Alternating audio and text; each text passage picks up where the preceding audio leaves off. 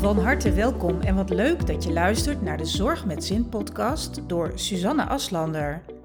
Met deze podcast wil ik zorgprofessionals in Nederland en België met veel plezier inspireren en motiveren als het gaat om energiek, vitaal, happy en stressvrij leven. Door het delen van mijn expertise en die van andere experts en zorgprofessionals die ik interview, krijg je verrassende inzichten en kun je de tips die we delen meteen toepassen. Volg deze podcast en ga zo voor less stress en more happiness. Van harte welkom weer bij deze aflevering van de Zorg met Zin podcast. En vandaag hebben we weer een hele leuke, interessante shortcast voor jullie. En te gast in de online studio heb ik vandaag, en daar ben ik heel blij mee, Bente van Haren. Bente, van harte welkom hier. Dankjewel. Leuk om hier te zijn. Ja, wat leuk. Want wij gaan het uh, ja, over een best heftig onderwerp hebben samen. Namelijk over uh, burn-out. En niet zomaar burn-out, maar jouw burn-out.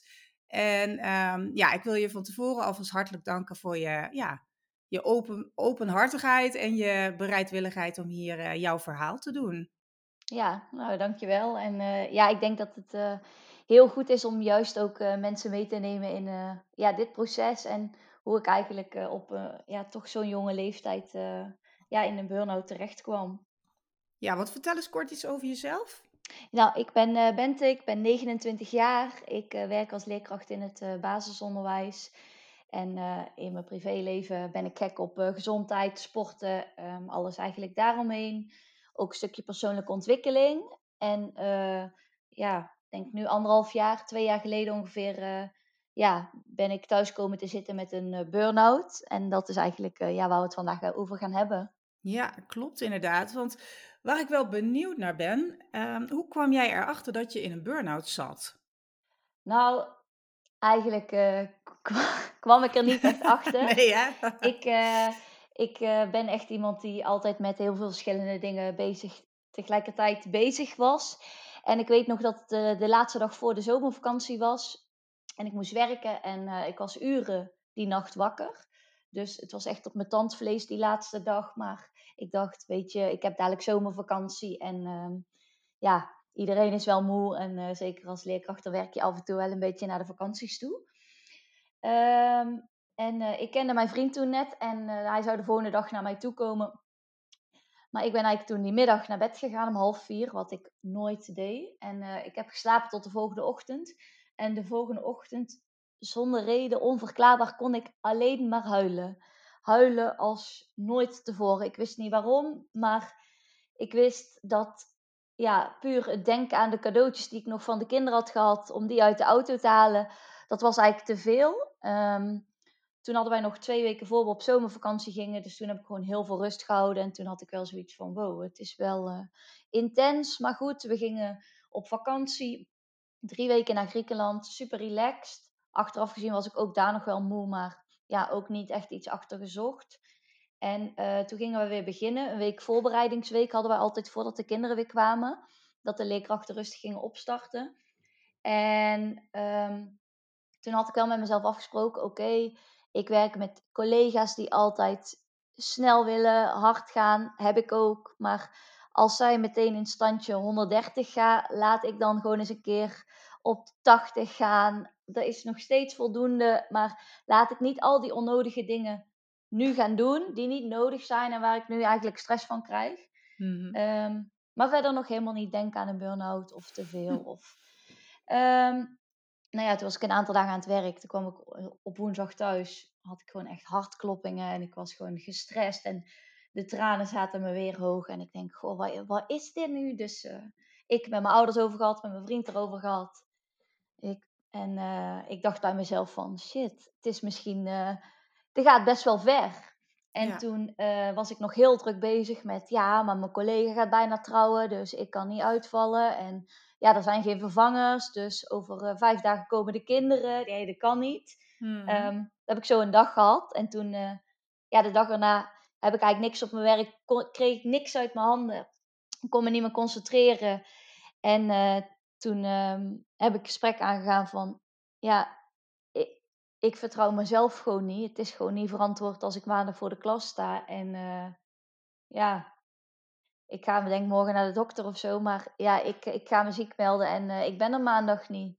Ja, zo. En dat was vast heel, heel moeilijk voor jou. Ja, ja, ja dat was uh, zeker heel moeilijk. Alleen op dat moment voelde het ook zo. Ik voelde me zo ver weg van mezelf. En ik herkende mezelf zo niet in dat neergeslagen gevoel, dat niet kunnen concentreren, dat ja, gewoon op het moment, ik wist dat op het moment dat ik zou zeggen, oké, ik doe een stap terug en ik vertrouw mezelf niet, ja, dan is het al, dan ben ik al 5, 6, 7, 8, 9, 10 keer over mijn eigen grens heen gegaan. Ja, jeetje.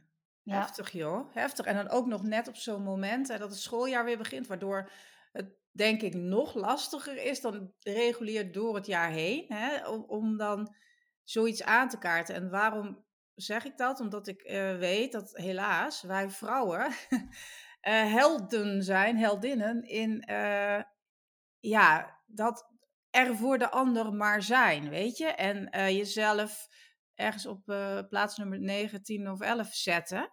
Ja. Wat natuurlijk een prachtige, prachtige eigenschap is. Maar ja, in deze, als je kijkt naar, naar burn-out, is dat natuurlijk eentje waar ja, waar, waar dingen dan nog eens dubbel of drie, vier dubbel zo hard aankomen, denk ik. Ja, ja nee, dat klopt. Uh, dat, uh, ja, daar zal ik later ook op terugkomen. Maar daar had ik inderdaad voor mezelf ook opgeschreven van... Uh, ja, eigenlijk twee dingen. Eén, van je bent alleen verantwoordelijk voor jezelf. En ja, zeker inderdaad als vrouwen, we pakken vaak de verantwoordelijkheid voor iemand anders. op dat moment kunnen we en hoeven we ook niet de verantwoordelijkheid voor onszelf te pakken. Dus ergens brengt ons dat natuurlijk ook iets. Ja. Um, maar daar kan ik nog heel lang over praten. Maar um, uh, ook, het wordt zonder jou ook opgelost. Juist. In die zin maken we onszelf ook vaak te belangrijk. In dat we denken dat het zonder ons, dat, alle kaart, dat het kaartenhuis ineenvalt. Ja. En dat is niet zo, want ook zonder ons wordt het opgelost. Precies, ja, dat is een hele mooie die je daar benoemt. Ook een hele mooie tip voor de luisteraar, hè, om daar eens vaker bij stil te staan. Precies, dat je, we onszelf natuurlijk op die manier eh, in het middelpunt zetten, juist vanuit het zorgstuk hè, en het ja. zorg samen. Um, maar durf ook hulp te vragen, durf te delegeren, durf uh, aan de bel te trekken, zeg ik altijd maar. Ja. Ja, en vaak, vaak voelen we dan weer um, ja, een soort gevoel van falen uh, merk ik bij veel mensen, eh, bij klanten, maar ook bij mezelf. Hè, dat je denkt, verdorie, dat kan ik toch wel, of dit moet toch lukken, of dat kan ik wel alleen. En, um, maar het is absoluut geen falen. Ik denk juist dat je faalt als je niet hulptroepen inschakelt als je behoefte hebt daaraan. Ja, ja, ja en uh, ja, ik denk dat het ook heel, heel, heel persoonsgebonden is. Maar soms is het ook van, ik kan het wel, maar ik wil het niet meer. Mm. Dus ja. ook, ook nu, um, ik kan weer vijf dagen werken, maar ik wil het niet. Ja. En ja. daar zit, in, in, in die zin alleen, zit ook je keuzevrijheid. En dat ik puur dat ervaar, uh, terwijl anderhalf jaar geleden had ik mezelf klem gezet met ik moet vijf dagen werken. Ja, van wie moet je dat? Hè? Is dan inderdaad een bekende vraag. Ja, als je daarover na gaat denken. Precies dat woord moeten ook. Oh, dat legt al zoveel stress op. Onbewust. Dus uh, ook een hele goede tip. hey Bente, um, ja, uh, de vraag of je het van tevoren zag aankomen is dus eigenlijk bijna overbodig. Al had je mij twee jaar geleden gevraagd, denk je dat je ooit een burn-out gaat krijgen, had ik echt gedacht, nee, nooit. Nee. Nooit. Dus um, hoe moeilijk en confronterend ik soms ook de spiegels van andere mensen kreeg van, oh, ik dacht dat jij eh, heel sterk was. Of, oh, ik had, ik had niet verwacht dat jij. Ja. Uh, nou ja, eigenlijk waren dat gewoon mijn eigen gedachten van een paar jaar daarvoor. Want ik had ook nooit verwacht dat ik hier ooit over zou kunnen meepraten. Nee, nee, snap ik. Dus nee, totaal en, niet. En nee, hè? Nee, en wat, wat trouwens ook opvalt, als je kijkt naar cijfers over burn-out, eh, mensen die burn-out krijgen, uh, wordt de leeftijd inderdaad steeds jonger. En dan komen we denk ik ook bij een interessant uh, stuk, namelijk het feit dat jij leerkracht bent. Ja. Um, Ja, hoe, hoe kijk jij eh, nu aan eh, tegen, ja, eigenlijk eh, hoe scholen omgaan met een stuk persoonlijke ontwikkeling, ehm, eh, anticiperen op de toekomst, eh, wellicht ook soort van aan de slag met grenzen aangeven, duidelijk aan kunnen geven wat je wil, hulp inschakelen en dergelijke. Ik ben wel heel benieuwd eh, hoe jij daar tegenaan kijkt. Ja, wat ik gewoon denk is, los van of je van kinderen houdt of niet, maar kinderen zijn de toekomst. Kinderen zijn degene die nu kinderen zijn, later de volwassenen zijn. En zij gaan dingen neerzetten hier in het leven, ja, die ons ook weer gaan helpen, zeg maar, de volwassenen van nu. En ja, dat zie je nu al. Als ik kijk met 20 jaar geleden, toen ik nog jong was, er zijn zoveel ontwikkelingen geweest. En die ontwikkelingen gaan nu 20, 30, 40 keer zo snel.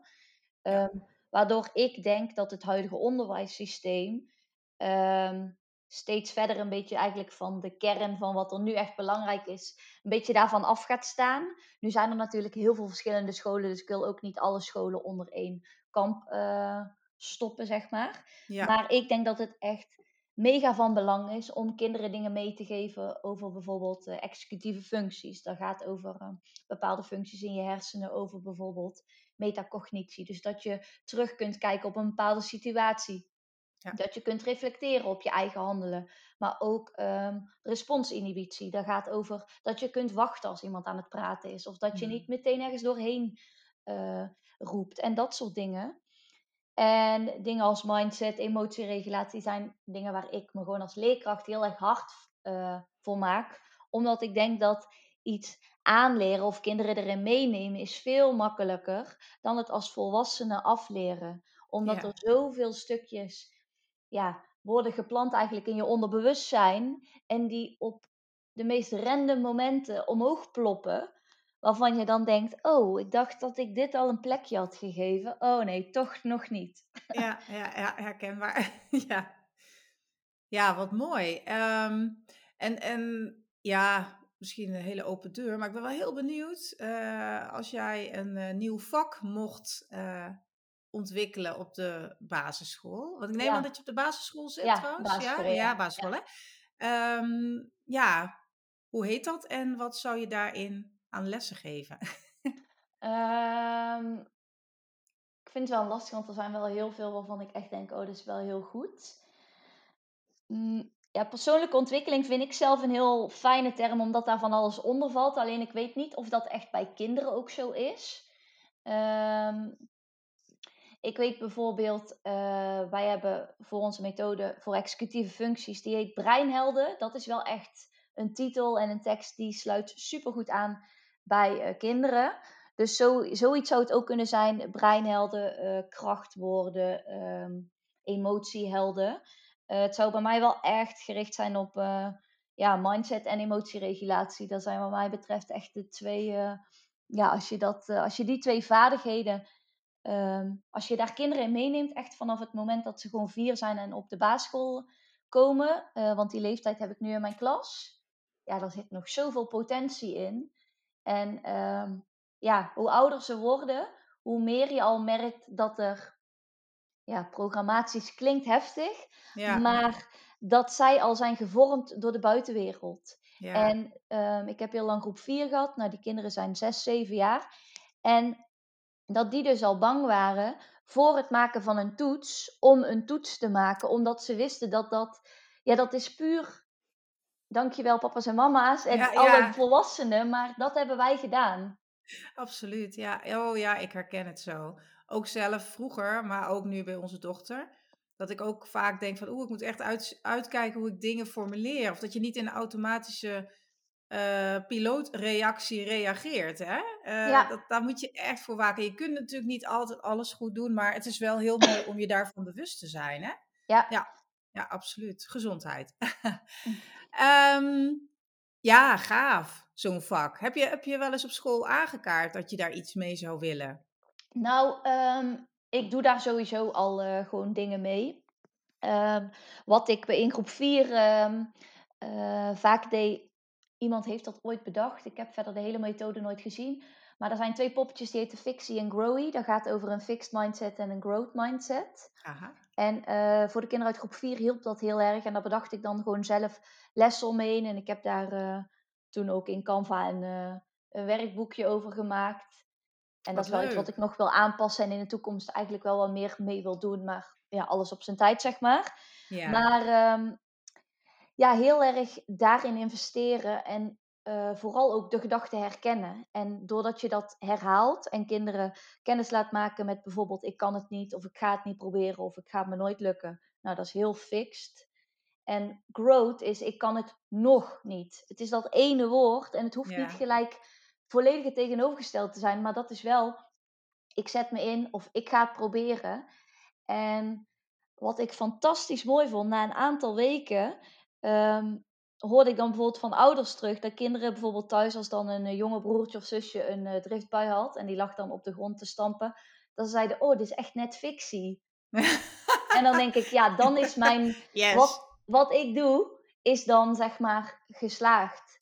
Ja. En um, ja, zo ben ik nou bij, uh, bij de kleuters bezig. Dat is natuurlijk nog meer puur, nog eerlijker. Um, ja, zijn we dan met die breinkrachten bezig. Dus Laatst was het doorzetkracht en toen emotiekracht. En echt van gewoon ze laten inchecken van hoe voel ik me nu en waarom komt dat? En, en zo ten opzichte van elkaar. En dat is gewoon super interessant, want je geeft kinderen eigenlijk met uh, de taal die zij eigenlijk zelf nog niet kunnen verwoorden. Maar vervolgens ja, komen ze dan, kunnen ze net het woord enthousiast uitspreken, maar dan van ik voel me echt enthousiast, want eh, ik ben bijna jarig. Ja, dan maak oh, mijn hart een sprongetje. Ja, wauw, wat gaaf. Ja, moet je kijken wat, uh, wat een mooie rol je inderdaad speelt in het leven van velen. Hè? Als je dat zo bekijkt. Zeker ook met dit vlak sowieso als leerkracht hè, ben je natuurlijk heel bepalend. Um, ja. Maar met dit stuk erbij, ja, daar word ik ook wel heel enthousiast uh, van om jouw woord maar te gebruiken. Wat gaaf, heel gaaf. Um, nog even terug naar jouw uh, burn-out, als je dat goed vindt. Ja. Um, ja, zijn er nog dingen die je wilt delen met de luisteraar daarover? Misschien heb je tips, misschien uh, do's en don'ts, uh, alarmbellen. Ja, ja ik had een aantal um, inzichten die ik eigenlijk uit mijn burn-out heb gehaald. En uh, er zijn eigenlijk een paar zinnen, die zal ik kort even to toelichten. Maar um, ja, ja, dat waren voor mij echt een beetje openbaringen. Ik had als eerste opgeschreven, ik ben niet mijn werk. Um, terwijl ik thuis kwam te zitten de eerste twee weken voelde ik vooral heel veel onrust. Dat ik dacht, oké, zo snel mogelijk weer aan het werk. En als dit het niet is, wat dan wel? Nou, dat werkt niet, kan ik je vertellen. des te eerder je je overgeeft, des te beter. Maar um, er kwam ik tot de realisatie van, oh, ik ben afgestudeerd. En toen ben ik gaan zeggen, ik ben juf. Toen dacht ik, nee, ik ben Bente en ik werk in het onderwijs of en ik werk als juf. Maar ik ben niet als eerste juf. Ik ben eerst mezelf. En dat zijn natuurlijk ook iets over in welke mate ik aan mijn werk gaf en welke mate ik aan mezelf gaf. Maar dat was echt iets wat ik moest gaan leren. En dat zou ik aan iedereen willen meegeven. Ehm, en nog steeds ben ik voor doe werk waar je passie voor hebt en ambitie vind ik allemaal hartstikke goed. Maar je bent niet jouw werk. Dus stel nou morgen zou je werk wegvallen. Tuurlijk moet je dan een switch maken. Maar ik denk dat iedereen erop mag vertrouwen dat er dan ook altijd wel weer iets anders komt. Ja, en dat jouw identiteit meer is dan alleen dat. Heel waardevol, ja. ja. Mooi. Dat heeft wel uh, even wat deconditionering nodig. dat, dat, doe je niet van de ene dag op de andere, nee. Maar nee. een stuk bewustwording daarin is al een hele mooie stap één. Hè? Dat, ja. Ja, iedere keer als je je druk maakt en uh, denkt helemaal, wauw, mijn werk en, en stress, stress, stress, dat je denkt, hé, hey, even wachten, wat is nou belangrijker, ikzelf of mijn werk? En dan dat je probeert op die manier daar uh, terug te pakken, of in ieder geval mee bezig te zijn. Ja, mooi. Ja, um, ik heb mezelf heel lang perfectionist genoemd en uh, ik heb die stempel losgelaten, want het bracht me helemaal niks. Uh, ik merkte dat uh, ik altijd dacht: oh leuk, uh, ja, en daardoor kan ik zoveel en kan ik zoveel bereiken. Terwijl um, er is een heel groot verschil, denk ik, tussen een aanpakker zijn en een perfectionist zijn. Want een aanpakker, die gaat misschien wel tien dingen proberen. Die stopt er met twee omdat ze het niet meer leuk vindt. Maar die gaat niet die tien dingen maar afmaken omdat ze er nou eenmaal aan begonnen is. En ze moet, het moet perfect en het moet af. Dus dat heeft mij vervolgens ook wel weer rust gegeven. En uiteindelijk is perfect ook maar een mening. Ja, dus Absoluut. dat heb ik. En ik zeg niet dat ik nooit meer perfectionistisch ben. Maar ik heb het niet meer gebruikt als een kwaliteit waar ik ofwel trots op ben ofwel negatief. Ik probeer me gewoon zo min mogelijk met perfectionist te associëren. Omdat het mij um, eigenlijk vastzet in de modder. Want ik kom niet vooruit. Precies, ja. Nou, per, ja, ik kan er alleen maar bij. Ik zeg wel perfect, bijna perfectionistisch, maar, maar een perfecte tip ook. Ja, dankjewel. Ja, um, ja, je kunt niet voor anderen zorgen als je niet voor jezelf zorgt. Um, ja, we hadden het er in het begin over van, weet je, vrouwen willen sowieso heel graag voor anderen zorgen. Maar als je dan zo graag voor anderen wil zorgen, denk dan aan die zin. Je kunt niet voor anderen zorgen als je niet voor jezelf zorgt. Dus. Precies, ja. ja. Sluit ik me helemaal bij aan. En dat, dat wordt zo vaak vergeten. Ja.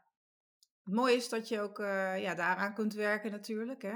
Op allerlei manieren. En dat uh, zou ik zeker ook aanraden. Zelf of het liefst natuurlijk ja, de hulp van uh, iemand die je daarbij kan helpen. Bijvoorbeeld een coach. Maar dat kan ook gewoon een goede vriendin of een ouder, oom, tante, buurvrouw, buurman zijn. Maar ga het gesprek aan. Heb het hierover. Ja. Ja. Ja, ja, en die andere twee dingen, daar hebben we het net eigenlijk al kort over gehad. Van je bent alleen verantwoordelijk voor jezelf en het wordt zonder jou ook opgelost. Ja, maar die laatste is wel echt super belangrijk. Want waarom dat er zo ingestampt zit, is me nog steeds niet helemaal tot op het bot duidelijk. Hè? Vooral bij vrouwen ook. Het komt natuurlijk ook evolutionair, denk ik. Daar zit ook iets. Ja. Um, hè, maar, eh, en dan vervolgens weer de opvoeding. Tenminste, ja, in ieder geval eh, mijn generatie en misschien ook nog bij jou, geen idee. Ehm, hè, van uh, dus een soort typische tussen aanhalingstekens onbewust opgelegde vrouwenrol. Hè? Ja. Um, ja, en daar conformeren we ons misschien ook onbewust aan. Het, wat ik in de praktijk vaak merk is dat drukke vrouwen zo in de waan van de dag vaak ook vooral met werk bezig zijn, maar ook met gezin of, of sociale contacten is ook een hele belangrijke. Hè, waarin, waardoor heel veel stress, onbewuste stress veroorzaakt wordt, die onnodig is. Hè, maar als je daar niet uh, achter de vinger achter krijgt, als je daar helemaal niet uh, op geattendeerd wordt, slash mee aan de slag gaat uh, en je er bewust van wordt, dan wordt het alleen maar meer en groter en groter. En dan ook op alle gebieden, hè, want je valkuil doe je op alle, ja. op, in alle levensgebieden, zeg maar. Uh, ja, dan is bijna helaas een, een uh, burn-out voorgeprogrammeerd. En mijn doel is ook absoluut van jongens, wees het voor, of dames, maar iedereen, wees het voor. Um, omdat, ja, burn-out hangt natuurlijk mega uh, samen met stress, hangt weer mega samen met je, met je hormonen. En uh, als je hormonen uit balans zijn, ja, dan gebeurt er ook fysiologisch van alles met je. Dan krijg je allerlei klachten. En uh, weet je, dat kun je jezelf echt besparen door je meer bewust te zijn van, van uh, ja, wat je doet, waarom je het doet en van wie je dingen moet, zeg ik altijd maar. Maar jij hebt vast ook nog een hele mooie aansluitende en afsluitende tip. Ja, ja, ja dat, dat, dat moeten is, is denk ik sowieso een. Uh, ja, van, van wie moet het is, is denk ik een hele goeie. En ja, gewoon het stukje, het wordt zonder jou ook opgelost. Daarin maken vrouwen zich heel groot, eigenlijk, hun eigen rol. Terwijl daar tegenover staat dat wij, en noem ik even wij, omdat ik natuurlijk ook een vrouw ben, maar dat wij ons als vrouwen heel vaak daardoor juist klein houden. Want door continu te zorgen voor iedereen, hou jij jezelf ook klein.